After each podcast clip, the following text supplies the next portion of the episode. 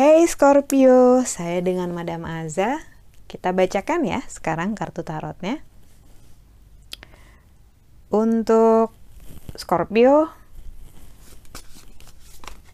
karirnya, kartu yang dibukakan adalah Star. Hal yang bagus akan datang kesempatan, harapan, suatu hal yang cerah, suatu hal yang berkilau untuk kamu dalam hal karir minggu ini diaminkan saja. Jangan sampai kesempatannya uh, lolos kalau misalnya memang ada suatu hal yang ingin kamu kejar dari sini. Untuk percintaan, judgment. Widih, ada apa nih? Kartu judgment ini menunjukkan segala unsur yang panas, berhati-hati karena ya namanya api bisa terbakar.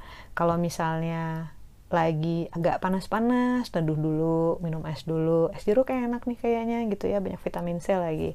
Kartu judgment pokoknya intinya bilang bahwa kamu tahu kalau kamu main api ujungnya bisa kebakar. Jadi ya jangan. Tapi kalau misalnya tetap mau dijalani karena ya namanya tarot cuma kartu nggak penting gitu ya. Pilihan kan punya urusan manusia. Keputusan kan hasil akhirnya dari Tuhan. Ngelihat usaha kita manusia juga gitu. So ya terserah kamu. Kalau misalnya kuat panas mau terima resiko monggo. Tapi kalau misalnya udah tahu bahwa di situ banyak api panas resikonya tinggi udah dibilangin ya sebaiknya jangan. Kartu nasihat yang diberikan untukmu Scorpioku yang nakal si tukang capit. Wheel of Fortune.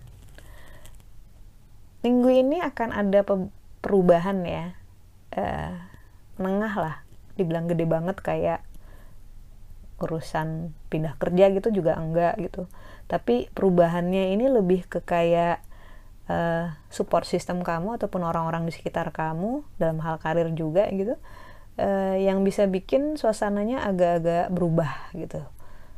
Kalau aku sih selalu percaya bahwa perubahan itu selalu untuk jadi yang lebih bagus. Walaupun gak nyaman intinya kan akan membuat kita lebih berkembang.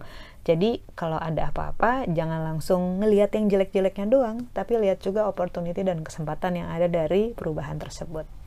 Sekian bacaan dari saya. Jangan lupa untuk bantu like subscribe subscribe, subscribe dan share. Terima kasih